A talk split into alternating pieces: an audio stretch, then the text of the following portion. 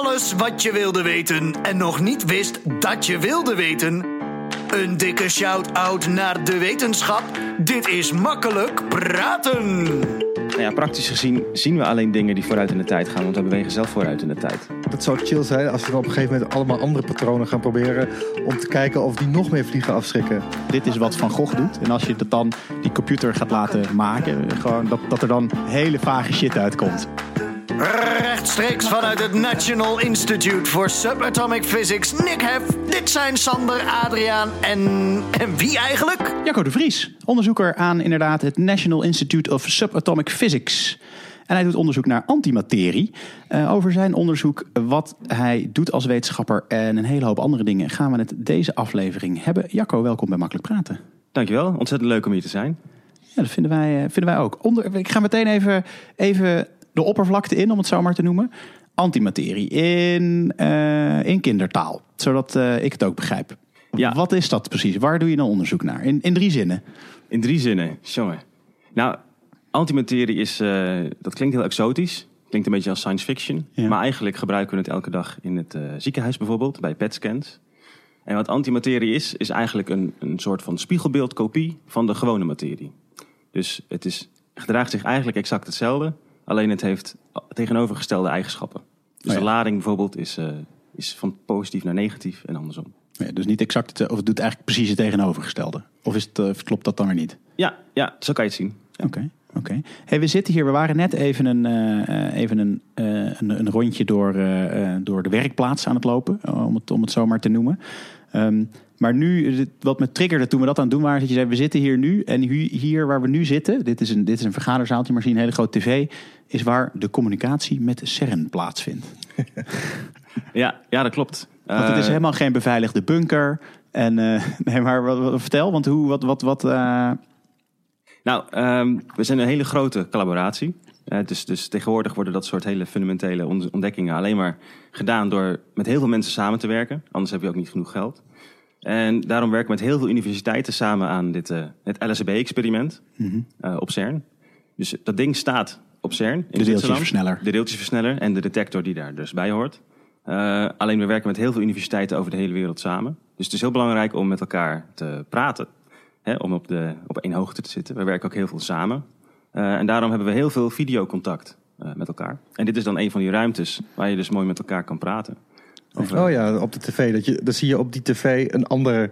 Zie je iemand uit China ook, of mensen in zo'n zaaltje zitten. Ja, oh.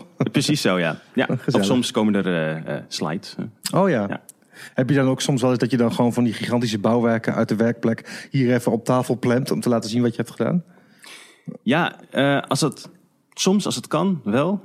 Maar vaak zijn die dingen zo gevoelig dat je ze eigenlijk niet met je blote handen ja, zomaar het... in de open lucht wil vervoeren. Ja. Nou ja, dus dan gaat het met. Uh... Doe je dat wel live of stuur je dan foto's of komen er mensen langs om dat, uh, om dat te bekijken? Ja, als er echt wat uh, bekeken moet worden, dan komen ze vaak wel langs. Oh ja. ja. Oké. Okay. Dat wordt niet, uh, wordt niet verplaatst. Hey, um, Jacco, we starten altijd met een paar uh, eigenlijk random vragen. Die kunnen over uh, van alles en nog wat gaan, maar raken wel altijd een beetje aan waar jij het over doet. Maar zijn soms ook gewoon een beetje onzinnig. Hij zijn eigenlijk altijd gewoon volledig onzinnig. Um, ja. Ja, maar een ijsbrekertje, noem het maar. Ja. Um, heb je er een beetje zin in? Ja, zeker. Ja? ik heb er zeker zin in hoor. Dat is top, want Adriaan begint ja. nu met de eerste vraag. En een jingeltje, hè? Je vergeet dat het een jingeltje. Oh ja, jingle. een vraag, een antwoord en hup, de diepte in. Antimaterie, hè? Als ik uh, af wil vallen, kan ik dan heel veel antimaterie eten? Werkt dat? Nou ja, in principe wel. Kijk, als antimaterie oh. gewone materie tegenkomt, dan, uh, dan ja, verdwijnt het, zeggen okay. ze dan. Dan wordt het weer energie of licht. En dat oh. annihileert. Ja. Dus je zou uh, massa verliezen. Ja, dat zou uh, gebeuren. Dus ik kan gewoon uh, anti-chips, anti-burrito's... kan ik allemaal eten? Ja, alleen ik denk wel dat het ja. gelijk in je mond... gelijk je gewone materie daar stuk maakt. Dus ik oh. denk dat het vooral je tong is die je kwijtraakt. Oh, dat is dus niet de, okay, dat is niet de dus bedoeling. Niet, dus niet, maar jij dacht net dat je een soort van nieuwe dokter, weet ik, dokter Aad, dokter Aad's ja. antimaterie shakes. Ja, precies. de, ja, de enige je, natuurkundig bewezen manier om effectief af te vallen. Ja, dat, je gewoon een, dat je gewoon een biefstukje eet en daarna een antimaterie shaker achteraan gooit voor een biefstuk. Dat precies uh, al die deeltjes uh, wegstreept tegen elkaar. Dat zou toch wat zijn? Misschien zou je het wel kunnen. Target zou dat in de toekomst kunnen? Nee, hè? Nee. Ik weet niet of het de meest gezonde manier is, maar... Uh... Nee, misschien als je het specifiek op, op bijvoorbeeld vet target of zo. Nu snij je het weg, dat je er anti-materie tegenaan gooit, tegen specifieke dingetjes. Ja, dat zou, dat zou kunnen. Ja, maar dan niet tegen vet, maar echt gewoon zorgen dat, je niks, dat er niks in je maag komt. Aan de andere kant krijg je dan ook niks te eten. Nee, dan ga je denk ik relatief snel dood. Ja, maar, maar het is dus wel zo dat antimaterie, alles wat er tegenkomt, gewoon verschroeit. Eh, ja, in principe wel. Het gaat een heftige reactie aan met gewone materie. En uh, daarmee verdwijnen ze allebei. En er komt straling vrij. Dus ik weet ook niet of het de meest gezonde manier is. Nee. Het is zeker niet de meest goedkope. Want antimaterie maken, dat kost uh, heel veel energie. Dus, Kortom, slecht plan. Ja, nou, nu we het daar toch over hebben, over antimaterie maken en misschien wel opslaan. Um, we zijn hier al vaker geweest, maar jullie hebben beneden, um, als je binnenkomt, heb je zo'n enorme uh, jaren zeventig uh, koffiemachine staan. Die echt gewoon echt letterlijk zoals je verwacht dat een, een koffiemachine in de jaren 70 zo'n tapje. Maar het is ook best wel een robuust ding en zo. En iets verderop zit ook gewoon een fatsoenlijke koffiemachine waar iedereen staat. Is jullie koffiemachine stiekem een geheime opslagplek hidden in plain sight voor antimaterie? Ja, als ik daar het echte antwoord op geef, dan uh, zul ik je moeten uh, omleggen. lekker lekker aan de complottheorieën. Ja. Toch, niemand drinkt daar ooit koffie. Ik zie niemand daar ooit koffie drinken. Dus Ja, dat is wel een goed punt. Een beetje mysterieus ook wel, hè? Ja. ja nee, het, het smaakt ook een beetje. Het smaakt ook een beetje. En Aad, is, Aad heeft er wel een keer een kopje genomen. Die is meteen vijf kilo afgevallen. Ja, precies. Heeft ook geen tong meer en daarna weer aangegroeid. Ja, precies. Een jaar lang bed gelegen. Ja, ja, wat kan ik zeggen? Ja, niet zoveel, denk ik. Nee, dan, uh... Ik zie wel een zwart busje nu aankomen rijden. Eh, die, uh, met, er komen nu mannen uitrennen. En uh, ze gaan komen deze kant op. Dus dit, dit zou wel eens kunnen zijn. Aad. Ja, er is, um, er is dus materie. Um, er is ook antimaterie dan. Maar er is ook donkere materie. Is er ook sprake van donkere antimaterie? Dat is een hele goede vraag. oh, dat was niet de bedoeling. ja, helaas is dat een hele goede vraag. Ja, uh, ja het antwoord is, we weten het niet. Um, donkere materie, het is dus antimaterie, dat maken we. Dat weten we, dat kennen we, dat bestuderen we. Um, alleen komt er op aarde spontaan niet zo heel veel voor. Maar donkere materie hebben we nog nooit echt direct kunnen bestuderen. We zien alleen het effect wat het heeft in het heelal op grote schalen. Het heeft zwaartekracht. Maar verder hebben we nog niet gezien. Maar we weten wel dat er ongeveer drie keer, vier keer zoveel donkere materie moet zijn als de materie die wij kennen. Dus zowel materie als antimaterie. En dat er vier keer zoveel moet zijn, dan zou het een beetje naïef zijn om te denken dat het maar één soort deeltje is. Want van de deeltjes die wij kennen zijn er een hele hoop. Dus waarschijnlijk zijn er ook een hele hoop soorten uh, donkere materiedeeltjes. Dat weten we niet. Dus misschien zijn er wel antidonkere materiedeeltjes, ja. Maar dat is dan gewoon lichte materie, zou ik zeggen. Maar dat, is dan, dat gaat dan weer niet op. Weet je, min, min is plus. Maar dat, uh... ja. het zijn andere minnen dan. Ja, precies. Ja, balen. donker materie is niet per se... Ja, is wel heel donker trouwens. Uh, Toch? is lastig. Weten we niet. Hebben we nog nooit echt waargenomen. Nee, daarom, daarom heet het donker. Ja. Omdat je het niet uh, ziet. Het zendt geen licht uit. Dus, uh, Misschien moeten we even wat stukjes van de podcast uh, van, van, met Erik, van Erik er, er terug in stoppen. Ja. Um, Jacco, is ieder deeltje onschuldig totdat het tegendeeltje bewezen is? Oeh, uh, even denken waar dat precies uh, over gaat, die vraag. Uh, ja, dat weet ik zelf ook niet, maar nee. ik vond het gewoon een grappige vraag. Ik vind het een hele leuke zin in ieder geval. Nee, wij, wij vinden ja. het gewoon leuk om rare dingen te verzinnen, bij jou neer te gooien en dan mag jij het uitzoeken. ja. ja, nou, ik denk dat ik er wel wat leuks van kan maken eigenlijk. Ja, um, nou. Want hoe weet je nou dat iets een deeltje is of een antideeltje? Ja. Nee, dat is misschien wat je, waar het op zou kunnen doelen, als ik een beetje creatief precies, denk. Precies wat ik bedoelde. Ja, ja dat dacht ik wel. um, nou ja, er zijn heel veel deeltjes. Maar waarom zijn dat niet de antideeltjes die wij om ons heen hebben en waar de aarde uitgemaakt is? Mhm. Mm -hmm. En zijn wat wij denken dat de antideeltjes zijn, niet de gewone deeltjes? Hè, wie bepaalt wat anti is en wat niet anti is? Is dat niet ja. gewoon afspraak? Of... Ja, nou ja, uh, in zekere zin wel. Alleen er is een klein effect waar we denk ik vandaag ook een beetje over gaan praten. En dat is een verschil tussen materie en antimaterie. Dus het lijkt, het is bijna een, een spiegelbeeld, zeg maar. Mm -hmm. Met de eigenschappen zoals lading dan wel helemaal omgedraaid. Maar er zijn kleine verschillen. En die verschillen heten, komen door CP-schending in onze theorie. Dat, uh, dat heet zo, dat is een naam. Wat is dat? Uh, dat is dus een verschil tussen materie en antimaterie in, uh, in bepaalde processen. Dus ja, er zijn methodes om te kijken dat materie en antimaterie zich anders, gedra anders gedragen. Mhm. Mm -hmm. Dus je zou kunnen zeggen, als je dat soort processen meet, of je nou materie of antimaterie in je hand hebt. Maar wat is CB-schending aan zich? Zonder dat je kijkt naar, de, naar dat het een verschil is. Ja, dus het is CP, dus ja? P van uh, Paula. Ja? Uh, dat staat voor uh, eigenlijk een soort wiskundige operatie op deeltjes. De C staat voor charge, dus dat is lading. En zoals ik al zei, de antideeltjes die hebben een andere lading. Dat ja. draai je om. Mm -hmm. Daar zorgt de C voor. En de P die zorgt eigenlijk voor het omdraaien van alle ruimterichtingen. Dus als je naar, naar voren beweegt, beweeg je in één keer naar achter. En links wordt rechts. Ja. P staat voor uh, parity in het Engels, pariteit. En als je die combineert, de C en de P, dan ga je eigenlijk van deeltjes in je theorie naar antideeltjes in je theorie.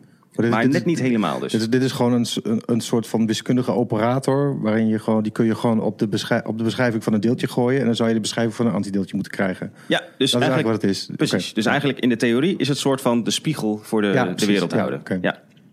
Maar en dat werkt, niet voor, dat werkt wel voor normale deeltjes. Want bij normale deeltjes kom je dan een soort van uit op een antideeltje. Maar als je het op een antideeltje doet, dan kom je niet meer uit op een normaal deeltje. Ja, het werkt beide kanten op. Dus als je het op een deeltje doet, heb je net niet het antideeltje. Als je ja. het antideeltje doet, heb je net niet het deeltje. En, maar dan ben ik wel benieuwd, want als je dat weet, waarom, uh, waarom noemen we het dan waarom bekijken we het dan uit, vanuit een theorie dat het een antideeltje is, maar niet gewoon een dat je gewoon deeltjes hebt die we dan kennen. Nou goed, daar zijn we ooit mee begonnen. Die zagen we als eerste, zeg maar. En dan dat er gewoon een deeltje naast. Waarom denken we dan toch in een soort van spiegelbeeld uh, analogie? Als we weten dat het zich anders gedraagt. Ja, nou dat is ook een goede vraag. Uh, dus we beginnen met allerlei goede vragen. uh, alle kutvragen komen straks. Mooi. maar uh, ja, um, omdat wij de wereld om ons heen zien als gewoon deeltjes. En wij dachten dat er een perfecte symmetrie was tussen deeltjes en antideeltjes. Okay. Oh, wacht even, Sander. Uh, voel jij hem ook aankomen? De?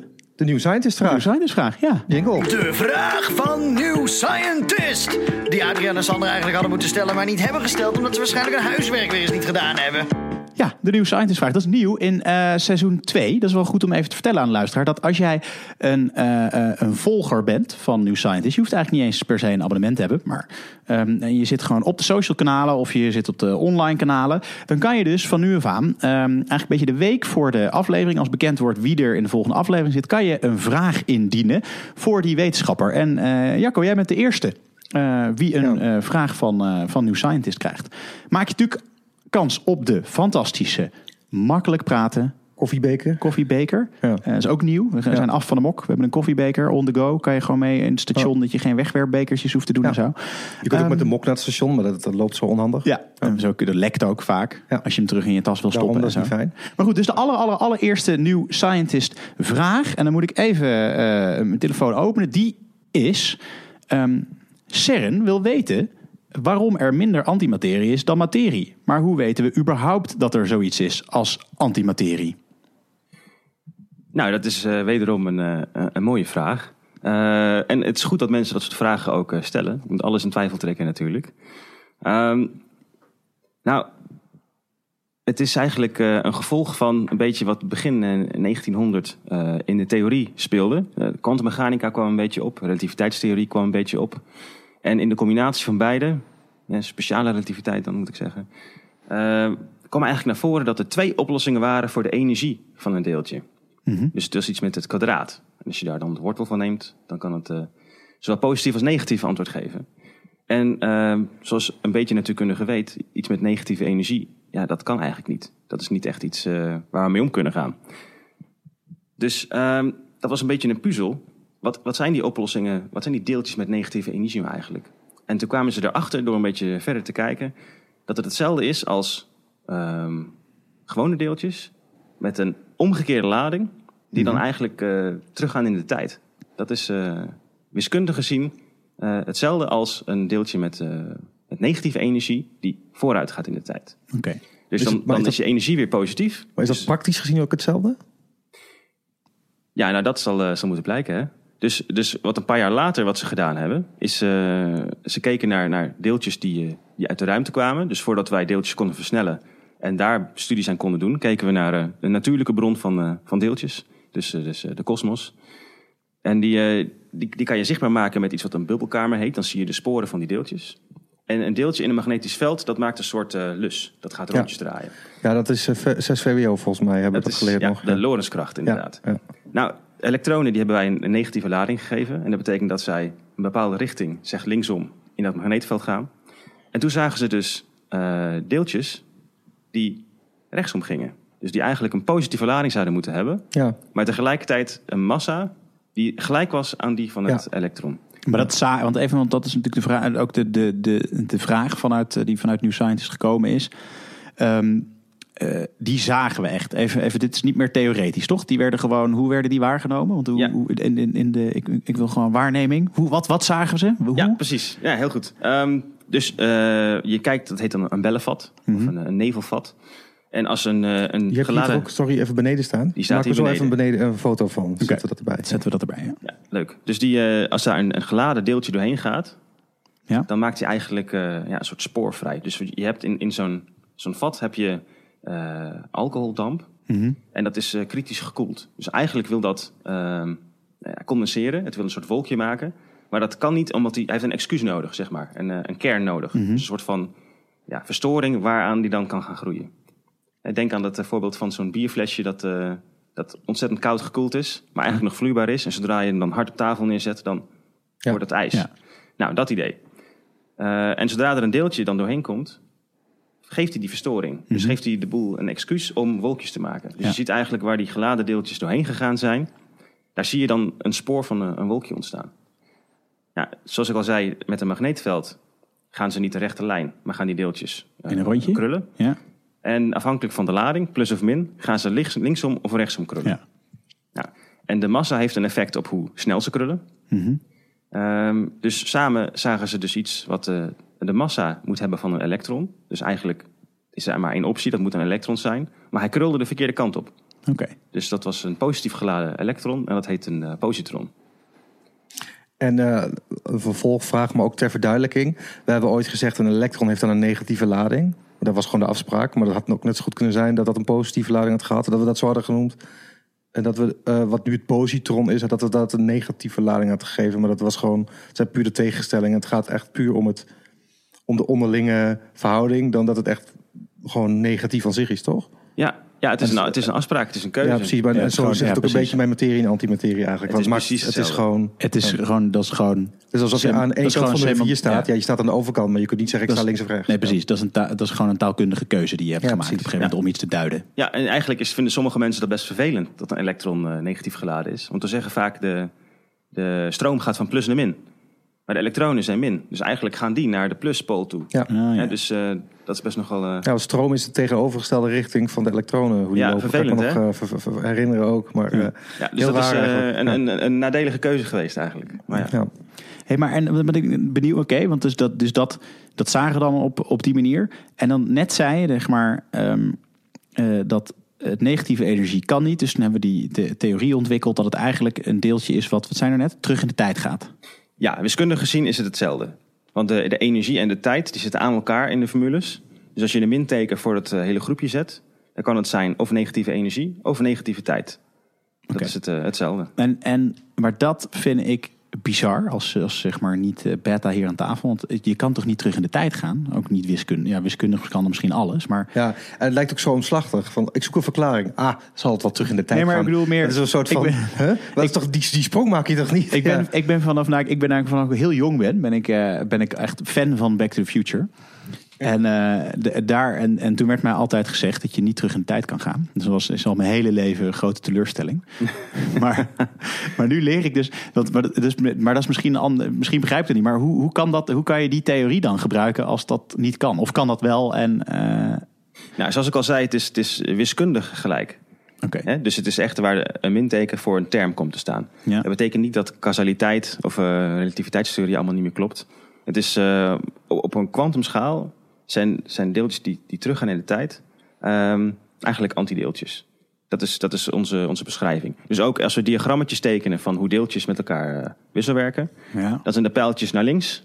Dat zijn de, de antideeltjes. Oké, maar is het dan, moet ik het dan zo zien dat het meer inderdaad, dat het wiskundig is? Het is eigenlijk meer een mal die we op dit fenomeen hebben geplakt om het op dit moment te kunnen verklaren, maar niet per se, wat je net zei, zeg maar, dat de relativiteitstheorie zo nog geldt, wat het praktisch gezien echt doet? Nou ja, praktisch gezien zien we alleen dingen die vooruit in de tijd gaan, want we bewegen zelf vooruit in de tijd. Ja. Natuurlijk. Is het, maar Ehm, kan het dan niet zo zijn dat je soms een deeltje ziet dat in één keer uit de, uit, uit de toekomst is gekomen of zo? En dat je, dat, dat daarna weer verdwijnt naar het verleden? Dat nou, er zijn, er zijn zelfs zou toch kunnen? Ja, I don't nee, know. ja, weet ik niet. Ja, maar dat soort gedachten krijg je wel natuurlijk Ja, aan de hand van dat soort theorieën. Er zijn zelfs gedachten dat er maar één eh, elektron bestaat in het hele universum. Die continu vooruit en terug gaat in de tijd. En zo alle elektronen en positronen die wij om ons heen zien, zijn eigenlijk dezelfde. Oh, dat zou ik echt helemaal te gek vinden. Dat is echt mijn favoriete theorie nu. ja. Bizar, hè? Van drukke eh, de drukke elektron dan. Ja.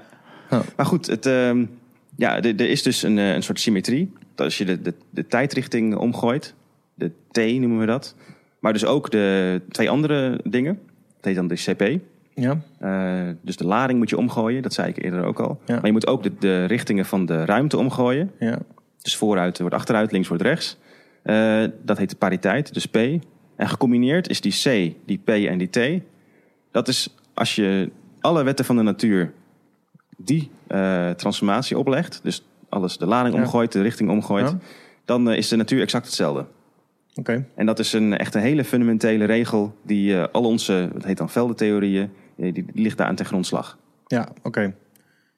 Oké. En zelfs de, de, de relativiteitstheorie, dus die heeft iets wat eh, dat elke obs- observabele, elke persoon die eh, het universum kan waarnemen, die moet dezelfde natuurwetten zien. Eh, en die tussen verschillende waarnemers kan je eigenlijk transformeren met iets dat heet een Lorentz-transformatie.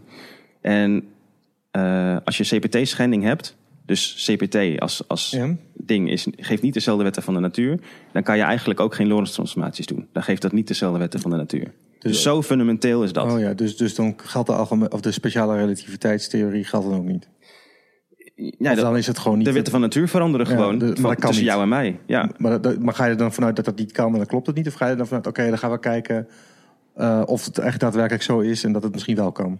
Nou ja, we, we zoeken ernaar. Dus hè, op CERN onderzoeken we alles, want meten is weten. Eh, ook al denk je dat het misschien niet kan. Je moet toch even kijken of het wel zo is. Ja, Ehm, maar wat, wat dat bijvoorbeeld zou kunnen betekenen, is dat als je twee stoelen op elkaar gooit, dat ze volgens jou wel botsen en volgens mij niet. Ja. Dus jij ziet twee kapotte stoelen aan het einde en ik niet. En dat is natuurlijk raar. ja dus dat kan dus eigenlijk, eigenlijk theorieën die, die, die dat soort dingen nodig hebben, is eigenlijk gewoon een hele redelijke aanname. Ja, dus het zou heel vreemd zijn als dat niet waar is. Ja, dat is waar. Ja, oké. Makkelijk praten. Maar over dat soort fundamentele dingen praten we dan, hè? Dat soort, Ja, dat is eh, wel geinig dat je e- enerzijds bizar de diepte ingaat en heel abstract moet denken, maar het ook altijd nog moet terug kunnen koppelen naar gezonde verstand en je waarnemingsvermogen als mens. Wat, waar misschien ook wel weer tekortkomingen eh, aan zitten, maar ja, dat kun je natuurlijk nooit nagaan omdat je zelf in, dat, in die beperking zit. Maar het is wel interessant, ja. Nou, probeer maar eens te denken over eh, elf ruimtedimensies bijvoorbeeld. Oh, dat is toevallig. Gisteren was ik. eh, nee. Ja, nee, dat hoor ik wel vaker. Ja, die- hadden we het ook met. Ja, die eh, wat, met Erik erover. Nee, of was het met, eh, met Karel? Nee, waar had het over? Die opgevouwen ja, 700 eh met dimensies. Jorinde, volgens mij was Oh? Jorinde, ja. Oh, ja die had Oh, er ja, heel... ja, dat zal wel, ja. heel complex, Maar die eh, fietste er ook heel makkelijk in. Ja, nee, dan heb je gewoon een dimensie en die rol je dan op. Oké, nou top. Oké, top. Nou, Ja, Ja, dat is het verschil tussen... slim. Maar dat is ook een beetje het verschil tussen theoreten en experimentele mensen, hè?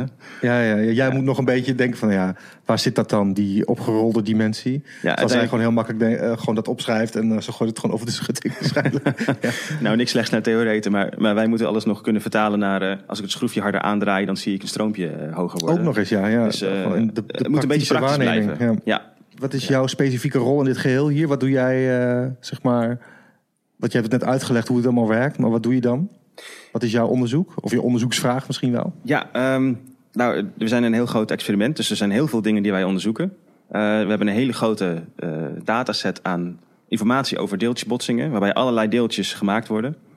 Ehm, en wij kijken specifiek naar, naar die deeltjes die alleen bij die energieën gemaakt kunnen worden, omdat dat dus hele zware deeltjes zijn die vlak naar de oerknal bestonden. Dus wij zijn vooral geïnteresseerd in ehm, waarom al die antimaterie verdwenen is in het universum. Dus een van de grootste vragen die wij eigenlijk hebben is, waar is alle antimaterie heen? Ja, En dus zoals ik al zei, de natuur heeft een spiegelbeeld, eh, Ja. antimaterie. Ehm, en dat kennen we niet zo goed op aarde. Want de hele aarde bestaat bijna alleen maar uit materie. Ehm, maar elke keer als we die deeltjesbotsingen doen, dan maken we evenveel materie als antimaterie. En dat is eigenlijk gewoon mathematische precisie. Dat is echt 50-50. Eh. Dat zien we elke dag. Ehm, en wij denken ook dat zoiets met de oerknal gebeurd is. Want ook daar had je heel veel energie. En daar maak je dan massa van. E is mc kwadraat. Dus we, ook, we denken ook dat bij die oerknal evenveel uh, materie als antimaterie gemaakt moet zijn. Nou, als wij dus op aarde kijken vandaag de dag, dan zien we alleen maar materie. Ja, dat is gek. En eigenlijk is dat dus heel gek. Ja, het is wel fijn, want als er uh, heel veel antimaterie op aarde zou zijn, dan zouden we eigenlijk niet meer bestaan. Ja, dat wilde ik net zeggen, want het, het is toch een voorwaarde voor het bestaan eigenlijk. Ja, precies. anders wordt, je, wordt het gewoon wordt het in elkaar, uh, ja. annihileert het elkaar. Ja. Precies.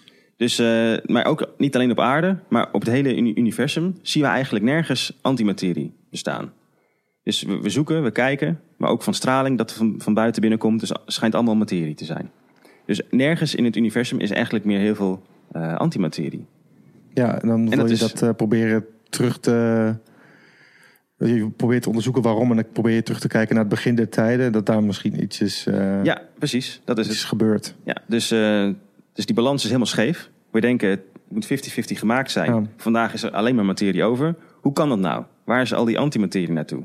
En dat, dat proberen wij te beantwoorden. Oké, okay. en hoe? Ja, precies. ja. dat, is, uh, dat is niet zo makkelijk. Um, dus de, de deeltjes die vandaag de dag bestaan om ons heen, hè, dat zijn de, de lichtste deeltjes. Alle deeltjes die, die kunnen vervallen, dus die iets kunnen doen, ja. die vervallen op een gegeven moment. Ja. Dus de zware deeltjes die zullen op een gegeven moment lichter en lichter, lichtere versies worden, totdat je alleen maar protonen, neutronen en uh, elektronen overhoudt. Hè, dat kennen wij. En uh, natuurlijk licht, dat mag ook bestaan. Maar verder heb je niet zoveel meer in de omgeving. Nou, het, zijn, het blijkt dat deze deeltjes dus eigenlijk relatief saai zijn. En die hele interessante wisselwerkingen tussen materie en antimaterie, dat gebeurt vooral bij zware deeltjes die niet meer om ons heen bestaan. Dus om die te kunnen bestuderen moet je ze eigenlijk zelf maken. Door van die kleine uh, mini-oerknalletjes uh, te maken bij uh, CERN. Ja. Um, en dan zo'n detector eromheen te zetten om te meten wat daar eigenlijk ja. allemaal uitkomt voor, voor ongein. Oké, okay. dat, is wel, dat is wel tof. Dus dat is, wat je, dus dat is, dat is eigenlijk wat, wat de belangrijke bijdrage van de deeltjesversneller in CERN is. Dat je eigenlijk mini-oerknalletjes creëert om daarmee te gaan verklaren, hopelijk waar de hel alle antimaterie naartoe is uh, gevlogen. Precies waar, ja. En hoe weet je dan dat dat zoveel gelijkenis vertoont met bijvoorbeeld de oerknal zelf? De, de botsingen die we daar doen. Ja.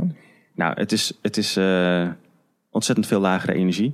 Hè? Ja. Als we echte oerknallen zouden maken, dan zouden we ja, nee. niet meer kunnen praten over uh, wat we doen. Ja. Uh, dus, dus dat is natuurlijk niet vergelijkbaar. Maar we zeggen dat vaak, omdat het botsingen zijn met, met toch wel heel veel energie. op dit moment is het nou, hij ligt nu stil, maar de laatste data die we hebben genomen is in 2018. En de energie is dan uh, uh, 13 tera-elektronvolt. Dat is een eenheid die misschien niet zoveel uh, van zegt. Maar dat is eigenlijk de energie van een vliegende mug. Nou, dan denk je, dat is niet zo heel veel. Ja, wat, doet een vliegende, ja, ja. wat doet vliegende mug nou weer? Maar een vliegende mug bestaat uit heel veel deeltjes. Oh. Um, dus eigenlijk is dat allemaal in één of, of in twee deeltjes gestopt. En als je dan kijkt hoeveel deeltjes we eigenlijk op elkaar botsen en hoeveel deeltjes daar in die grote versneller rondgaan, dan is het ongeveer de energie van een uh, TGV. Ja. Een volgeladen TGV die op maximum snelheid, meer dan 200 km per uur, uh, tegen een, uh, een, oh ja. een, andere trein aan botst. Maar, maar wat is dan de over, waarom zou een, de oerknal dezelfde eigenschappen überhaupt hebben, ook al is het geschaald, als twee deeltjes die tegen elkaar aan hebben gebotst? Dat vroeg me meer af. Ja, dus je vraagt, is de oerknal eigenlijk een uh, product geweest van een andere versneller? Ja, ja, is dat je aanname dan? Ja, dat zou ook nog kunnen. Ja, ja nee, ja, dat zo gek niet verzinnen. Maar hoe kom je dan überhaupt op het idee? Want je gaat vanuit dat er in één keer een oerknal was. Want, want je rekent terug en dan moet het zo zijn gebeurd. Maar waarom zouden die eigenschappen hetzelfde zijn als twee deeltjes die op elkaar af worden geschoten? Ja, dat, is, uh, dat hoeft niet zo te zijn. Uh, nee. We proberen ook niet de oerknal echt na te bootsen. Wat wij gewoon willen is heel veel energie. waardoor wij heel veel massa kunnen maken. Dus hè, E is mc kwadraat. De ja. energie is uh, de massa. Dus als we heel veel energie hebben, dan kunnen we daar heel veel deeltjes met hoge massa mee maken. Oh, en, da dan, en dat is eigenlijk een beetje wat ook bij de oerknal was. Dat je eigenlijk een, een soort van situatie wil hebben waarin alle deeltjes gewoon heel veel energie hebben op een heel klein, in een hele kleine ruimte. Nou ja, wat wij, voor zover wij weten, hè, we weten natuurlijk niet zo heel veel over die oerknal. We kunnen alleen maar uh, kijken wat, uh, wat logisch is uh, van wat we vandaag de dag nog zien. Um, maar daar was heel veel energie, dat is redelijk ja. zeker. De dichtheid was heel hoog temperatuur was heel hoog, dus er was heel veel energie om allerlei deeltjes te maken. Ja. Dus niet alleen maar protonen, neutronen, elektronen, mm. Maar ook wat wij dan B-mesonen noemen, of uh, topquarks, Higgs-deeltjes, al die exotische dingen, die waren daar gewoon overal. En we denken dat die deeltjes juist van die gekke eigenschappen hebben, dat ze een verschil kunnen maken tussen materie en antimaterie. Ja, En dus daarom willen we die ja. deeltjes onderzoeken. En om Ja. die te maken hebben we dus weer hoge energie nodig. Ja, ja, precies. En dan, oké. En dan kun je kijken hoe die deeltjes zich vervolgens gaan gedragen. Ja, precies. Cool. Wel eh, heel, tof, eh, heel tof onderzoek. En, eh, maar ik ben toch benieuwd dan al bij dit soort dingen. Waar, waarom, weet je, waarom is dit voor mij gewoon even gewoon op mijn. wat is het? Het is nu, het is nu dat, op een donderdagavond. avond. waarom is dat voor mij? Waarom boeit dit voor mij? Waarom is het voor mij relevant? Ja, als je denkt dat met dit onderzoek de trams sneller gaan rijden, dan heb je dat mis. Dus, dus iets, praktisch is niet de directe reden dat we het doen. Nee. Ehm, maar zoals eh, Adriaan ook, ook eerder zei, ehm, als, er zoveel, als er heel veel antimaterie nog over was in het universum, dan was het allemaal tegen de gewone materie aangebotst. En dan waren er geen planeten of sterren ontstaan. Dan was er alleen maar straling. Ja. Dus hadden wij überhaupt niet kunnen bestaan. Ja, dus het is echt fundamenteel, eh, een groot fundamenteel probleem dat aan de grondslag ligt van eh, het bestaan. Van waarom zijn we hier vandaag de dag? Hoe kan dat? Eh, daarvoor moeten wij weten waar die antimaterie naartoe gegaan is. En dat vind jij toch ook wel interessant, Sander, dat soort vragen? Of eh, niet? Waarom, waarom we hier, waarom Waarom we hier zijn? bestaan, ja. Ja. Of niet? Dat is meer hoe we bestaan dan Ja. eigenlijk. Ja. Niet per se waarom. Maar nee, dat vind ik wel interessant. Maar ik ben gewoon benieuwd of, er, of, of dat, je, dat, dat het bijvoorbeeld dat het is van nou. Eh, ik zit dan gewoon te denken, als het allemaal weg is en je weet dat het ultieme gevolg kan zijn dat als het terugkomt, alles weggaat. Misschien moeten we dan maar onderzoeken waar het is, zodat we er ons op voor kunnen bereiden. Ja, ook nog eens, ja. Als het ergens in een of andere verborgen dimensie of zoiets Ja, weet ik veel. exotisch, Direct komt het in eh, een van die, van die twaalf opgerolde eh, universums gewoon eh, uit, schiet, schiet die terug. En dan eh, weet ik veel. En, en, En- dan, Wat natuurlijk ook zo is, is dat fundamenteel onderzoek hoeft natuurlijk nooit een toepassing te hebben. Omdat het enerzijds is gewoon belangrijk om te weten. En vaak pas veel later blijkt dat er nog veel meer toepassingen zijn. Als eh, wanneer je heel erg specifiek op een toepassing hebt onderzocht. natuurlijk, maar als je, ik denk dat, dat, je, dat, dat, dat je bij dit, dit specifieke onderzoek ook al vrij snel denkt. Als je iets hebt waar je zo gigantisch veel energie mee kan creëren. Dat je al snel gaat denken dat daar Ja. vrij praktische toepassingen in zouden kunnen bestaan. Maar ehm, eh, en ik, daarom ben ik gewoon benieuwd. Maar als het inderdaad zo fundamenteel is, wel grappig dat er zo'n. eh, Nooit over nagedacht dat er zo'n enorme leemte is in, in wat hier is en wat er overal, zeg maar, in het hele universum zou moeten zijn. Dat er gewoon een enorm Ja, zwart gat. ja die zijn er. Ja. Ja. Ja, maar, ik bedoel, maar dat snap je, maar dan eh, met de gewoon meer taalkundig gezien zwart gat. Dat dat Ja. er is. Dat is best wel bizar. Er zijn gigantische gaten in onze kennis. Ja. Donkere materie, wat eerder genoemd was, is er ook een van. Hè, dus eigenlijk eh, begrijpen we van alle, alle massa die in het universum zit, begrijpen we echt maar een, eh, een fractie. Eh, zeg 15% of zo begrijpen we maar. Dat is de massa die we kunnen zien. Hè, de deeltjes die we kunnen zien. Eh, maar waar al die antimaterie naartoe is, dat weten we allemaal niet. Ehm, dus ja, we doen ons best om daar eh, een antwoord op te vinden. Dat is onze missie als eh, fundamentele natuurkundige. En eh, daarvoor hebben we dat soort apparaten nodig. Die eh, hoge botsingen maken. Makkelijk praten. Hoe, eh, even concreet, we gaan nog een stap concreter. Eh, hoe ziet jouw dag er bijvoorbeeld uit dan? Eh, want, jij, want jij werkt dus samen met CERN. Maar eh, en je, zit, je bent officieel verbonden aan de Universiteit van Maastricht, maar je zit op het NIC. Even. Hoe, eh, hoe gaat dat allemaal? Ja, dus eh, nou ja, Maastricht, daar, daar geef ik les. Ja. We zijn bezig daar een nieuwe groep op te zetten. Dus dat is ontzettend spannend en leuk. Maastricht is pas sinds kort in het natuurkundeonderzoek gedoken. En er liggen ontzettend veel, veel, veel leuke kansen om, om daar te ontwikkelen. Dus da- daarom zit ik daar. Ja? Ehm is natuurlijk de, de kern van, de kern van eh, deeltjesonderzoek in, eh, in Nederland. Ja. Dus het is altijd, altijd onder, de, onder de hoed, zeg maar. Onder de overkoepelende overzicht van NICEF gebeurt het allemaal hier in eh, Nederland. Ehm, CERN is natuurlijk waar de versneller staat. Dus daar hebben we ook direct vanuit Maastricht en via NICEF contact mee. En het is heel veel, heel veel samenwerken. Dus hoe, hoe een dag er typisch voor mij uitziet, dat, dat vroeg je. hè? Ja. Ehm, dat ik de trein naar Maastricht pak. Ja. En dat ik daar college geef over kwantummechanica. Eh, vervolgens eh, inbel op een, eh, een meeting eh, via wat wij video noemen, een soort Skype. Eh, om eh, de, de laatste onderzoeksresultaten en de statistieken van, eh, van allerlei data-analyses eh, te bekijken.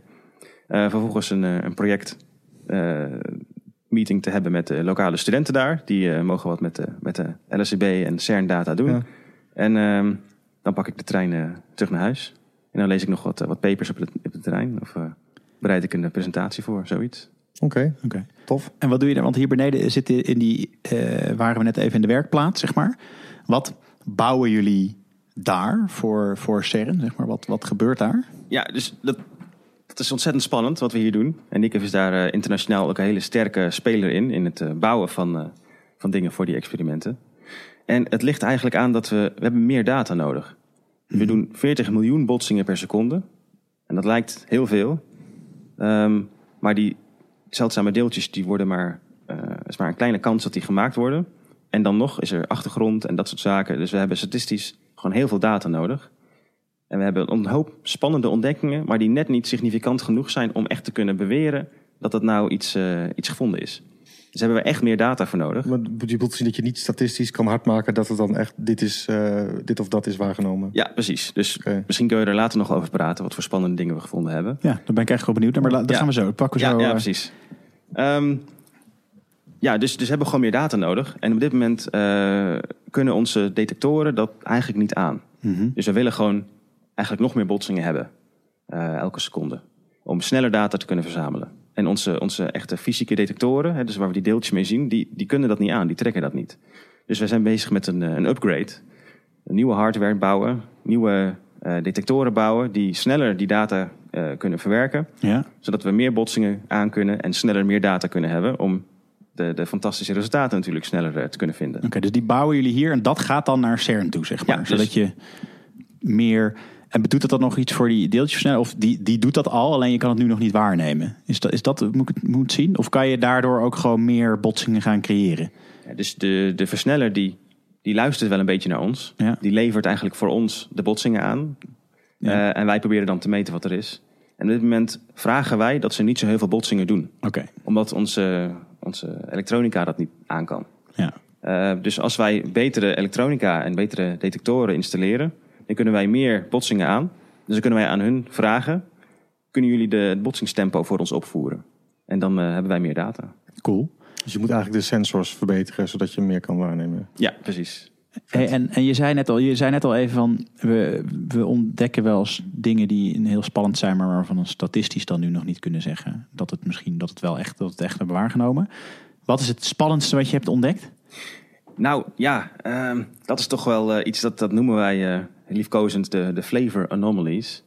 En flavor staat voor smaak. Ja. Eh, en dat is dus, eh, nou, een elektron heeft een, een smaak. Eh, en het elektron heeft een zwaarder broertje. Dat heet het, het muon. Hoe smaakt een elektron? Ja, een beetje naar chocola. Nee, nee dit is, eh, we- met smaak duiden we de verschillende soorten deeltjes binnen Ja. één categorie aan. Eh, dus de elektronsmaak, denk ik. Ja. Ehm, Oh, maar wacht even, maar hoe is dat dan natuurkundig te meten? Of is het gewoon de echt smaak, nee, het is, een label. afspraak? Het is Ah, een oké. label. Net als de pluslading van een Ja, precies. Ja, ja. Dus ehm, in, de, in het model dat wij hebben, de, Mhm. de theorie die eh, fantastisch succesvol is, maar toch zijn gebreken nog eh, moet hebben. Anders zouden we alles ermee kunnen verklaren. Ja. Eh, die zegt dat alle interacties tussen het elektron en zijn zwaardere broertje, het muon, dat, dat daar geen verschil in is. Ze zijn zwaarder. De, de muon is zwaarder, dus daar is een verschil tussen in wat we faseruimte noemen. Maar afgezien van dat is die alle interactie tussen, tussen muonen of interactie met elektronen moet hetzelfde zijn. En we zien nou eigenlijk een, een verschil. Dat eh, de interactie tussen eh, muonen anders is dan eh, interactie met elektronen. En dat is best wel spannend, want dat duidt dan op... Nou ja, als iets niet hetzelfde is, dan moet je een verklaring hebben van waarom het niet hetzelfde is. En wij denken dat nieuwe fundamentele natuurkrachten of nieuwe deeltjes, genaamd bijvoorbeeld leptoquarks, eh, dat die ervoor kunnen zorgen dat dat dus niet gelijk is. En daarmee vinden we dus nieuwe, nieuwe deeltjes, nieuwe fundamentele deeltjes eh, uit, eh, die dus in het vroege universum heel belangrijk eh, moeten hebben Zijn geweest. zijn ja. geweest. En die dus misschien wel allerlei andere zaken ook kunnen verklaren. Oké. En En die, die heb je gedetecteerd nu, of misschien, maar dat wil je nog niet, weet je nog niet zeker. Nou ja, wat, wij, wat wij als experiment doen, is wij doen indirect, meten we dat soort spannende dingen. Ja. Dus we kijken niet of die deeltjes echt gemaakt worden. Maar we kijken wat het effect van het bestaan van dat soort deeltjes is op andere processen. Dus dat, daarvoor moet je heel nauwkeurig eh, gaan kijken. Ehm, en heel veel statistiek verzamelen dus, wat ik al zei. Eh, en, en daar zien wij dus van dat proces een afwijking in van wat wij verwachten. En dat zou kunnen verklaard worden dat Ja. er nieuwe deeltjes daar een effect op hebben. Dat een, eh, virtuele deeltjes. Dus een soort kwantummechanisch principe dat je die deeltjes niet echt maakt, maar ze kunnen wel invloed hebben op, op allerlei zaken. Oké. Oké. En wanneer zou je dan, wat, wat is dan een soort van het cruciale moment dat je kan zeggen, en nu, je, nu is dit wel vaststaande theorie dat, dat ze er zijn? Nou ja, het, het is dus met alle deeltjes die wij kennen, kunnen wij niet verklaren eh, wat we zien. Ja. Dus het is afwijkend van, van het model dat we op dit moment hebben. Dus in die zin zien wij iets nieuws.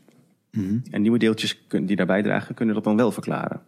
Ehm, en wanneer wij zeggen dat het echt significant is, dus wanneer wij dat eh, echt als een observatie van iets Ja. nieuws eh, publiceren, dat is eh, de magische 5 eh, sigma afwijking. Dus dat is dan een kans van 0,9999 nog iets procent dat we het fout hebben.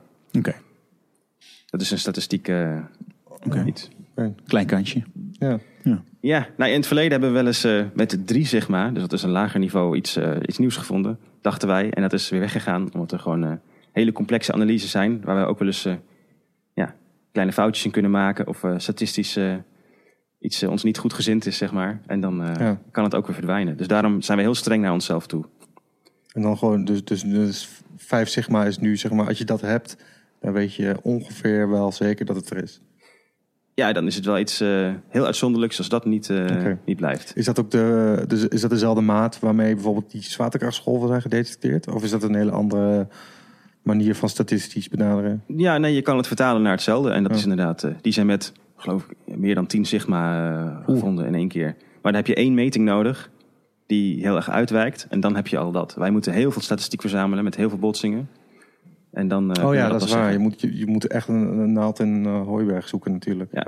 Maar om een in- indruk te geven, we zitten op dit moment rond eh 4 sigma. Oké. Als je bepaalde metingen eh, Ja. combineert met elkaar. Dus dat is eh, Oh, dat zeker begint reden er voor... al eh, op te, op te lijken. Ja. ja, dat is zeker spannend. Ja, Dus je moet ook nog eens, eh, ja, daar heb je natuurlijk mannetjes voor. Je moet ook nog eens gewoon heel erg eh, creatief boekhouden met je data. Tenminste, dat, dat inzicht hebben om op een gegeven moment ook tot eh, te weten wat je hebt waargenomen. Dat is, Ja. ja. dus dat is wel echt ook heel knap natuurlijk. Dat moet, komt er ook nog bij kijken. Ik zou het misschien niet creatief boekhouden willen noemen. dat wou ik net zeggen. waar. Ja, nee. Het, het is gewoon eh, heel veel inzicht in, hele- in cijfers. Ja, hele kundige statistici heb je nodig. Ja, precies. Ja. Dat is het. Ja, Dus- precies. Alright.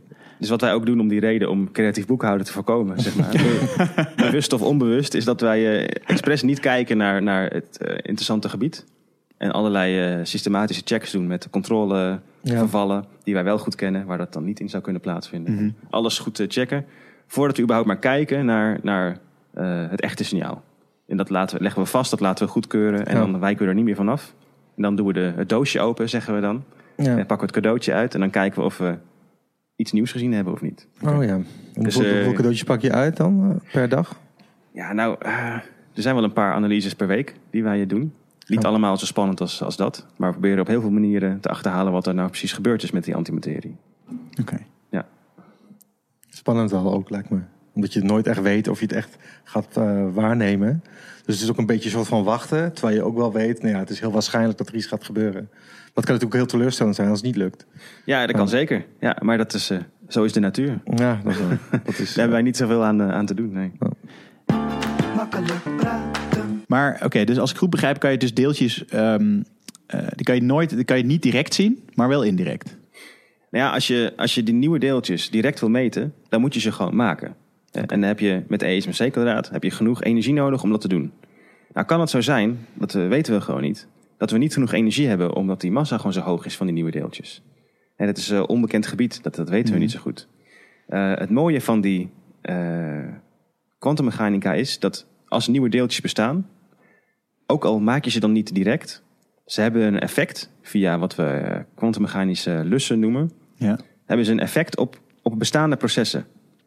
Dus eh, een bepaald deeltjesverval van een, een zwaar eh, deeltje, een zwaar B-meson bijvoorbeeld, eh, naar andere deeltjes toe, dat zou sneller gaan als er nieuwe deeltjes bestaan. Die hebben dan een soort invloed op het Ja, bekende proces. Dus als wij met heel veel detail berekenen, met heel veel precisie berekenen in de modellen van alle deeltjes die wij kennen, dat het eh, 15 per seconde zou moeten zijn. ja.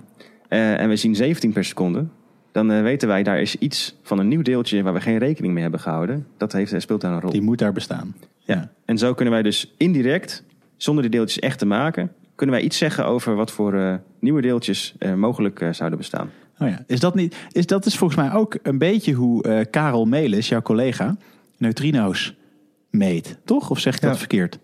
Die, die heeft van die bollen in de zee en die meet ook alleen maar zeg maar wat het Wat effect is geweest of de interactie is geweest met andere deeltjes, zeg maar. van neutrino's. Ja, Van die- neutrino. Daar komt er een lichtflits en die lichtflits die meet hij. Wie meet die? Ja, nou, het, het is, eh, fysisch is het anders. Ja. Maar conceptueel is het denk Ja, ik wel hetzelfde idee. Ja. ja nee, oké, ik snap Ik dat ben het heel een ander, tevreden ander met dat we proces echt ook een serie maken. Dat mensen dan ook terug moeten luisteren. Ja. Snap je het niet? Ja, had je andere Had je, aflevering had je, moet je Karel Ja, ja, even luisteren? Oké. Ja. Hey eh, Jacco, wanneer wist je eigenlijk dat je dit, dit gewoon voor a living wilde doen? Dat je echt wetenschapper wilde worden? Was het al echt way back op de basisschool? Of, eh, of ben je er per toeval ingerold? Of, Nou, voor mij, ja, ik wist eigenlijk al wel eh, van heel jong aan dat ik. eh, nou, eigenlijk wou ik astronaut worden. En toen besefte ik me al redelijk snel dat het toch wel een beetje ambitieus was. Eh, zeker omdat ik eh, een, een bril nodig heb, bijvoorbeeld. En eh, te lang ben voor in een raket. Dus eh, dat soort zaken. Ehm, dus toen werd het al snel wetenschapper, iets met ruimte. Ik dacht eh, sterrenkunde. ja. Maar toen eh, ben ik toch op een gegeven moment overgegaan op eh, wat ik zelf meer interessant vind. is de hoge energiefysica of deeltjesfysica. Mhm. Ja, en dat is altijd, eh, altijd zo gebleven. En toen, toen hebben we nog samen een master gedaan. Ja, dat klopt. We hebben elkaar in de klas gezeten. Ook bij, bij deeltjesfysica, toch? Bij, bij dat vak over CERN of die versneller hebben we ik herinner het me nog, ja. Ja. The Easy Talking Science Journal. We hebben het uitgebreid gehad over eh, antimaterie. Antimaterie. Dus, Oké, even opnieuw. We hebben het uitgebreid gehad over antimaterie. En, ehm, eh, maar er gebeurt natuurlijk hartstikke veel in de wetenschap. En niet alleen maar eh subatomair. Jezus, Denneman. Even Oké, ik ga even helemaal opnieuw beginnen. ja, dit komt erin. Nou, eigenlijk wat ik wil zeggen is dat we het aan zijn gekomen bij de nieuwsrubriek. Yay! Ja. dus eh, eh, ja, we hebben allemaal wat meegenomen. Eh, ik heb weer wat meegenomen. Adriaan heeft weer een, een nieuwsartikel meegenomen. En Jacco, jij hebt ook wat meegenomen. Ehm zullen we bij die van jou beginnen? Nou, dat is goed. Wat, welk, welk nieuws ga je ons mee verlichten? Ja, ik heb ehm, eh, een artikel over artificial intelligence meegenomen. Dit is een fantastisch spannende ontwikkeling van de laatste jaren eigenlijk. Die, ehm, die, eh, dat we hebben eindelijk de grote datasets en de grote computers die we nodig hebben om echt slimme machines te maken die eh, van alles leren. Eh, een beetje als het menselijk brein. En ik vind dat machtig interessant. Ehm, en dit is een artikel over een soort eh, slimme computer. Hè, Zo'n artificial intelligence opzet. Die probeert aan de hand van metingen de wetten van de natuur te achterhalen. Ja. Dus die probeert ehm, eh, dingen als de wetten van Newton eh, af te leiden uit het feit dat hij bepaalde eh, data heeft met eh, objecten die op een bepaalde manier vallen, als het ware. Oh, dat dat is ook al gelukt? De- het lukt redelijk, blijkbaar. Dat is vrij recent. En, eh, hij, is, hij is nu in zijn master. Dus dat is, ik vind dat machtig spannend. Want ehm, nou, dat is natuurlijk een beetje een toekomstdroom. Maar stel nou dat, dat, dat zo'n slim algoritme de, de wetten van de relativiteitstheorie zelf kan uitvogelen aan de hand van eh, bepaalde data van metingen die we, die we gewoon Ja, voeren. ja. En stel nou dat zoiets dan erachter komt dat het eigenlijk veel efficiënter, eh, netter opgeschreven kan worden. Dat we eigenlijk maar een beetje moeilijk zitten te doen met z'n allen. Dat een veel logischere verklaring komt voor alle wetten van de natuur. Ehm, zonder kwantummechanica of relativiteit, wat we zelf natuurlijk met heel veel historie en heel veel eh, Ja, dat Ja. zou wel subliem zijn natuurlijk. lange armen, ja precies, hebben moeten bepalen. En dat daar een soort slimme combinatie van al die natuurwetten uit komt rollen, Ja, die, eh, die onze huidige begrip te boven gaat. Ja, Dat dus dat is echt eh, te gek zijn. ja, het, Ja. Het, zou, het zou natuurlijk zomaar kunnen dat binnen nu in tien jaar zeggen met eh, quantumcomputers en zo, dat dat gewoon heel erg, eh, heel erg veel vooruitgang gaat boeken, toch? Ja, nou ja, quantumcomputers is natuurlijk een andere, ander ding. Maar dan zou je dat soort dingen toch nog sneller kunnen doen? Dan, dat zou in theorie zou dat fantastisch snel gaan, ja. Dus een soort van wel machine spannend. learning met Ja. eh quantum computing, dat is wel echt de, de, de droom, ja.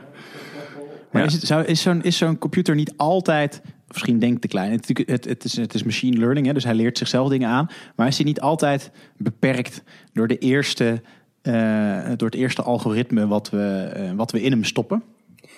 Ja, er zijn heel veel eh, soorten learning. En traditioneel heb je natuurlijk iets van plaatjes van katten en honden. En dan voer je dat zo'n zo'n slim algoritme. En uiteindelijk weet hij te zeggen of er een kat of een hond in het plaatje zit. Ja. En dat heet eh, supervised learning. Dus dan, dan geef je al labels mee en daar train je hem dan op. Hè, of je laat iets, een heel veel potjes schaak zien. En daar, aan de hand daarvan eh, leert hij de beste strategie. eh, zoiets. Maar er zijn ook dingen die heten ja, unsupervised learning bijvoorbeeld. En dan probeer je hem echt met een bepaald doel te programmeren. En dan mag je zelf uitvogelen hoe hij daar komt. En dan weet hij verder helemaal niks. Oké. En dat soort dingen zouden, ja, zonder dat we daar gelabelde datasets voor nodig hebben, zou die de wet van de natuur kunnen leren misschien. Dat zou, eh, zou ik fantastisch vinden. Ah, mits natuurlijk, want je, je hebt de dingen die je hebt gemeten, die stop je erin. Maar die meetapparatuur, daar zit dan misschien nog wel een soort van, misschien ook wat Sander net zegt, daar zit misschien nog wel een soort van ofwel meetfout in kwantitatief of kwalitatief een aanname, die je dan wel weer in dat leerproces kan proppen. Niet dat jij dat weet, maar ik ben gewoon hard op aan het denken. Ja. Toch? Dat zou nog kunnen, maar dat weet je natuurlijk nooit. Nou, misschien Maar kan als je gewoon dat, een balletje eh, laat vallen, dan is gewoon dat wat het is. Misschien, ja, en misschien, maar misschien komt hij er wel achter dat dat dan, dat dat dan zo is. Precies. Op, net zoals dat Ja. wij er nu. Dat zou leuk zijn. Toch? Hey, je moet beter meten, lul. Nee, maar toch maar net als dat wij nu er ook toch steeds weer Ja. opnieuw achter komen van oh, dit klopt niet, er moet nog iets extra's Ja. zijn. Dat hij op een gegeven moment gewoon denkt, oké, ja, thanks voor alle data, mens. Ja, ja. Maar, maar, maar, Maar ja, je, moet- je best. Ja, je moet, ga maar terug. Ik heb namelijk geen benen. En ga, ga maar dit even uitzoeken voor mij. Ja, Ja, het, is, precies. het is wel echt exciting. Ik ben Ja. echt benieuwd wat er allemaal uit gaat komen. Het is ook best. ehm, zo- zo- Zo'n eh, algoritme zou dat ook best zelf kunnen leren. Hè? Die, wat je zegt, die Ja. beperkingen. Ja. Eh, bijvoorbeeld, wat me altijd verbaast, is ehm, van die natural language processing eh, algoritmes. Die, eh, die geef je alle Harry Potter boeken. En dan gaat hij zelf een nieuw Harry Potter boek schrijven. En daar komen dingen in die, die niet helemaal eh, kloppen natuurlijk. Maar eh, fantastische, eh, fantastische hoofdstukken komen eruit. Het is echt heel grappig om te lezen. Ja, het zijn altijd van die dingen die dan echt net alsof iemand Harry Potter eh, op de LSD heeft. eh, aan de LSD heeft Beetje zo, geschreven. ja. Dat is super grappig. Maar- met, met, met scripts heb je dat volgens mij ook. Dat doen ze dat ook wel eens. Dat ze gewoon een bot, van, zeg maar, gewoon van een serie van, van Friends of whatever. Ja. Alles eh, laten kijken. En dan poept hij weer een script uit. Wat, van, wat heel raar is, maar wel heel herkenbaar. maar dat had nooit ja. een aflevering kunnen zijn, omdat het zo surrealistisch is. Ja. Ja. Ja, het klopt Ja. altijd wel zo. Als je, dit- ik heb het ook Ja. wel eens een keer zoiets gelezen. Dan klopt het, het klopt wel, soort van. Je ziet, je herkent heel erg de vaste stijl Ja. of zo. Maar het is gewoon best wel gek. Ja. Je hebt dat ook met van die. eh, met, met, toch met, dat ze dat met, met schilderijen en foto's doen. Dat ze dan heel veel. eh, Gewoon een soort van de hele catalogus van Van Gogh eh, invoeren. Van dit is wat Van Gogh doet. En als je dat dan die computer gaat laten maken. Gewoon dat, dat er dan echt hele, hele vage shit uitkomt. Ze, zeg ze hebben maar. dit ook gedaan bij eh, die serie Queer Eye, onze Favo-serie. Ja. Hebben ze dit ook gedaan. Dat was super grappig. Volgende keer, is mijn wetenschapsartikel. Eh, dat, die scripts die, dat bo- die die bot heeft, eh, Voor die- Queer Eye. die bot heeft gemaakt. Ja, Nou, wat dan neem ik dat wel mee. Dan lees ik dat wel even voor. Queer Eye wel eens ooit eh, gezien? Ook voor de Nee. luisteraar? Nee, helaas niet. Queer Eye is, ehm, is vier, eh, vier gays in Amerika. Vijf. Die, vijf. Oh ja, sorry, vijf. Die gaan, eh, gaan in het, eh, in, zeg maar een beetje in de Dirty South, zeg maar. Waar ze allemaal vrij conservatief zijn. Gaan ze mensen met problemen een beter leven geven. Ja, maar vooral met een make-over. Dus ze zijn Ja. allemaal, ze zijn, het zijn echt geweldige gasten. Heel erg flamboyant. En die gaan dan zo heel Billy helemaal een make-over geven. Maar hij verandert dan niet aan de buitenkant, maar ook aan de binnenkant. En, hij, krijgt- en hij, en hij krijgt dan bijvoorbeeld betere kleren. Hij wordt, gaat naar de kapper. eh, hij zijn zijn interieur wordt eh, anders. En iedereen heeft daar een rol in. Maar er is dus één guy. En die is dan van wine en cooking of zo. Maar die doet nooit iets. Want, dan heeft die gast heeft, is zijn hele leven omgegooid. En aan het einde gaan ze nog een guacamole maken of zo.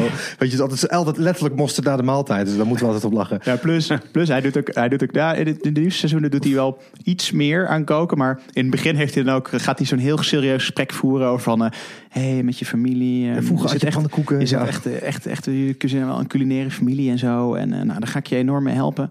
eh, met een signature mac and cheese. Ja. Ja, dat is het. Ja, dat is echt... Dat is, dat is, ja, Ja, dat wel een hele leuke fan is. Maar goed, genoeg hierover. Anyway, eh, dus dat, heb jij eh, iets bij Ja. qua nieuws, Aad? Eh, weet je nog wel, vorig jaar, vorig seizoen, hadden we het over dat er wetenschappers hadden een paard, hadden een pak aangetrokken om te Ja. kijken of er minder vliegen aan Ja. eh, zou, zou trekken. Die hadden een zebrapak aangetrokken, ja, toch? precies. Nu heb ik hier. Het vervolg. eh, nee, ja, nu zijn er dus onderzoekers die hebben zes koeien ja? zebrastrepen gegeven om te kijken of eh, ze dan mi- minder worden gestoken door vliegen. En wat blijkt? Ja, 50% minder gestoken.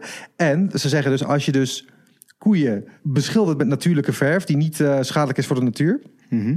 En is het dus veel beter dan bijvoorbeeld pesticiden tegen vliegen gebruiken of dat soort dingen. Dus het is een hele uh, kostenefficiënte, tijdsefficiënte, milieuefficiënte manier om uh, vliegen te bestrijden. En is gewoon zwarte strepen op je koe zetten. Dat is toch geweldig? Ja. Ja, dat is gewoon even, even schilderen. Ja, maar dat is ook heel, heel geinig dat je dus uh, iemand, stel je voor je loopt daar langs, dat je zo'n gast gewoon zo'n koe ziet verven. Maar zou het ook, ja. maar zou het ook bij ons werken? Dus dat je, als je jezelf gewoon zwart-wit... Dat zou goed kunnen. Toch zwart-wit. Het heeft dus iets te maken met dat ze dan dat patroon van een zebra irritant vinden of zo. Of dat dat afschrikt, of dat ze dat, dat niet herkennen als een... Ja, dat, dat, dat zwatten of zo, dat is dan op een of andere manier... Daar worden ze dan niet uh, door aangetrokken. Ja. ja. En zou streepjes dan het uh, optimale zijn? Of zouden blokjes uh, nog beter zijn? Dat is een goede vraag. Dat hebben ze niet gedaan. Ja, dat, zal, ja, dat is natuurlijk... Oh, dat zou echt dat zou chill zijn als we dan op een gegeven moment allemaal andere patronen gaan proberen om te kijken of die nog meer vliegen afschrikken. Ja, precies. Ja, nee, dat, uh, dat weet ik niet. Ik kan me voorstellen dat voor die, uh, die Kobe-koeien dat heel belangrijk is. En die hele dure ja, vleeskoeien. Ja, die, ja, die, die massagekoeien. Ja, die massage. wie, hoe heet die, die, ja, die. Die klassieke muziekkoeien. Ik weet nooit hoe je dat uitspreekt. Wagyu beef. Wagyu beef. Dat je, oh. Die moet je, moet je nu gaan schilderen. En Sander, wat had jij? Nou, ik heb uh, dus iets bij me over um, wat mij opviel als het zit een beetje in mijn eigen zon, omdat ik natuurlijk twee uh, jonge kinderen heb, is dat ze um, uh, flesjes hebben gevonden van, om, om baby's te voeden van, van, van een paar duizend jaar oud. Dus dat zeg maar in de pre hele oude baby's. Ja, nee, maar pre in de prehistorie dus ook al, weet je, wij geven nu natuurlijk flesvoeding, zeg maar. En een beetje de veronderstelling is dat, we dat, dat wij dat op een gegeven moment zijn gaan doen. Omdat we weet je, voeding zijn gaan optimaliseren. Zodat het zeg maar wel lijkt op borstvoeding. Um, maar nu hebben ze uh, in Duitsland, dus de University of Bristol, dus een Engelse universiteit, maar ze hebben het in ieder geval in Duitsland die fonds gedaan. Allemaal soort van keramische uh, bekertjes gevonden. Waarvan ze dus nu kunnen afleiden van... Hey, daar werd eigenlijk waarschijnlijk gewoon uh, koeien... Daar werd gewoon koeienmelk in gedaan. En dat werd dan gebruikt eigenlijk om baby's te voeden. Net als dat wij nu flesvoeding geven. Hm. Oh, wat grappig. Hoe, hoe, uh, waar was dat gevonden, zei je? In Duitsland. Dat hebben ze opgegraven? Ja, hebben ze opgegraven in graven... waar dan baby's die toch zijn gestorven... waarschijnlijk omdat koeienmelk, ja. namelijk weten we nu... Daar kan je geen kind mee groot krijgen. In ieder geval niet, niet vanaf het begin. Nee. Maar dat ze dat wel probeerden, vind ik wel ja. vind ik gewoon grappig. Dat, dat, dat dus gewoon toen al bezig waren met, ja. uh, met hoe, hoe met, je ervoor kan. Met landbouw. Ja, nou ja, maar voor, voor te zorgen dat je niet uh, hoe, hoe je een kind kan voeden zonder dat het met borstvoeding uh, gedaan ja. wordt. En ze hebben gewoon die dingen gevonden en daarvan wisten ze zeker. Ja, want ze hebben wat ze gedaan hebben. Dus dit van... is voor baby's. Het had kunnen zijn dat ze gewoon zelf wilden nippen aan. Nee, nee, nee, nee. Het is, nee, het is wel, want ze hebben, ze, hebben een, ze hebben een onderzoek gedaan en ze hebben zeg maar dus in die.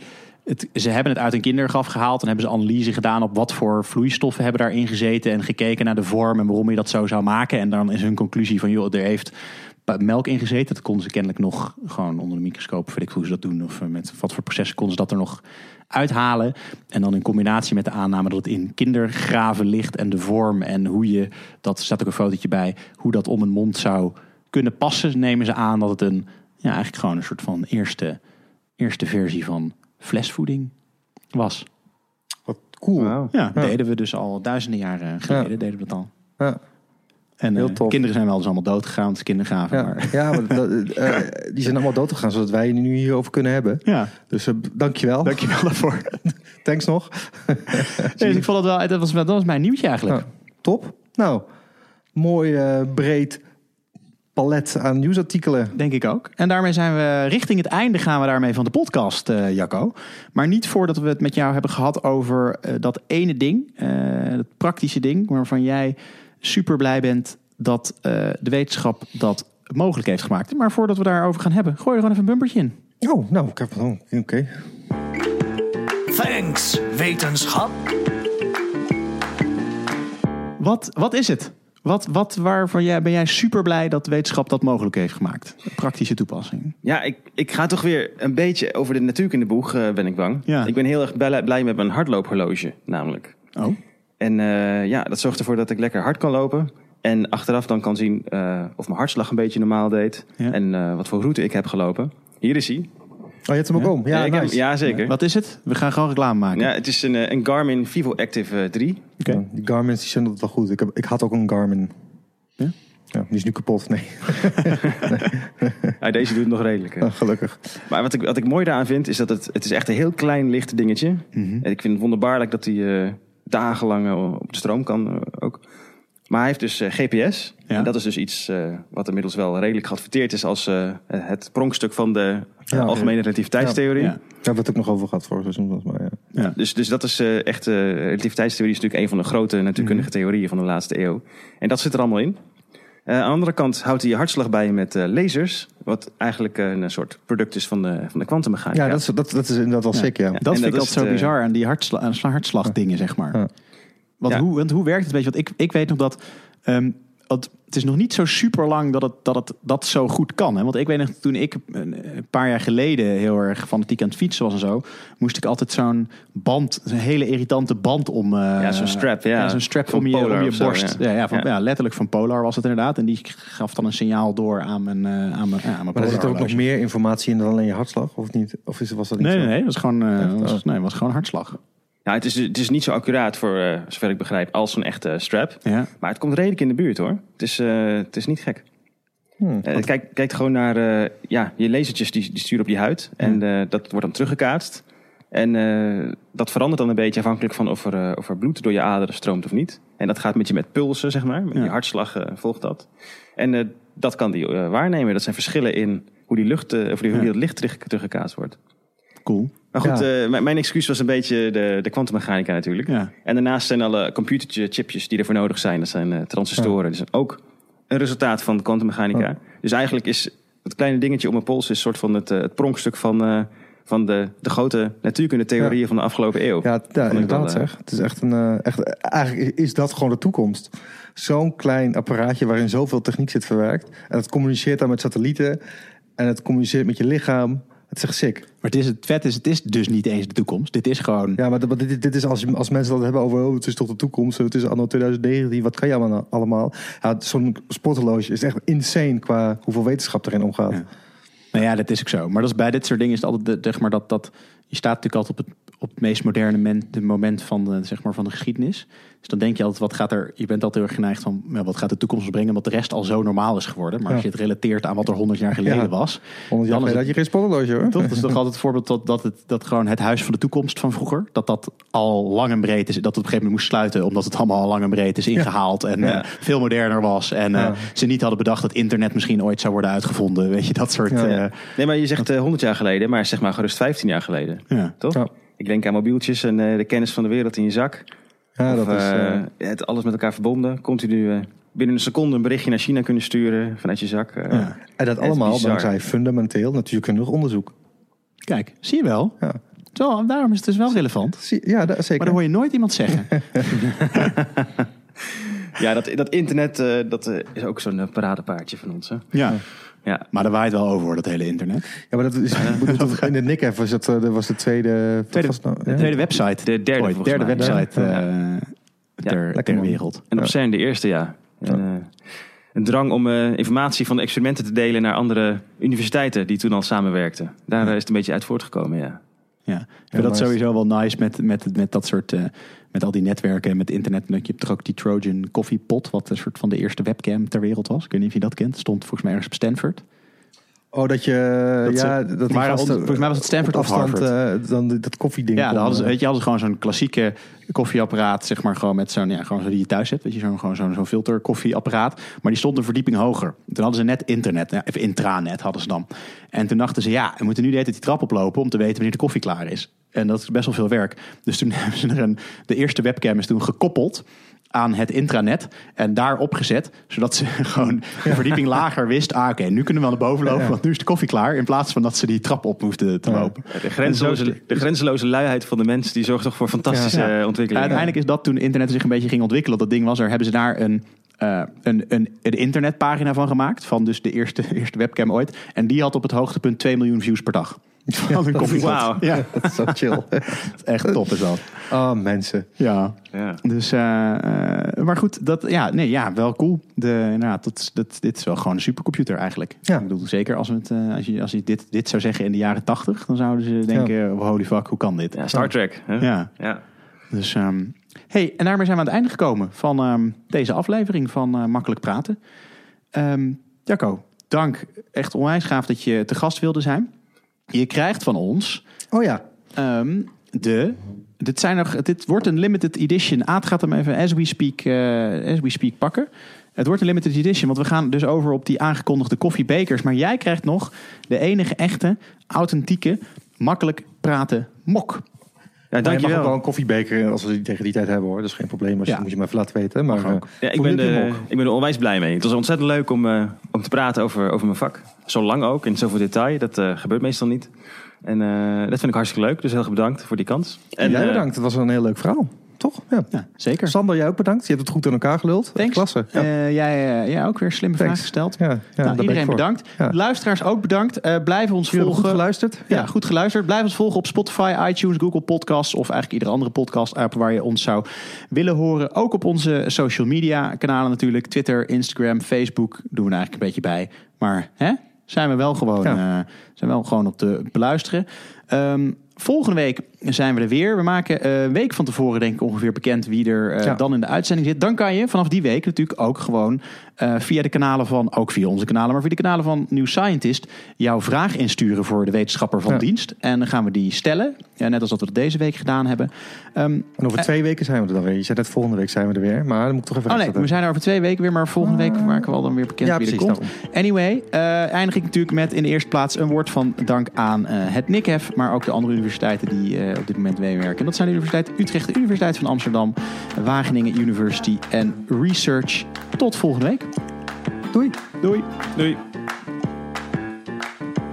Zeg weer volgende week. Tot over twee weken. Doei. Doei. Doei.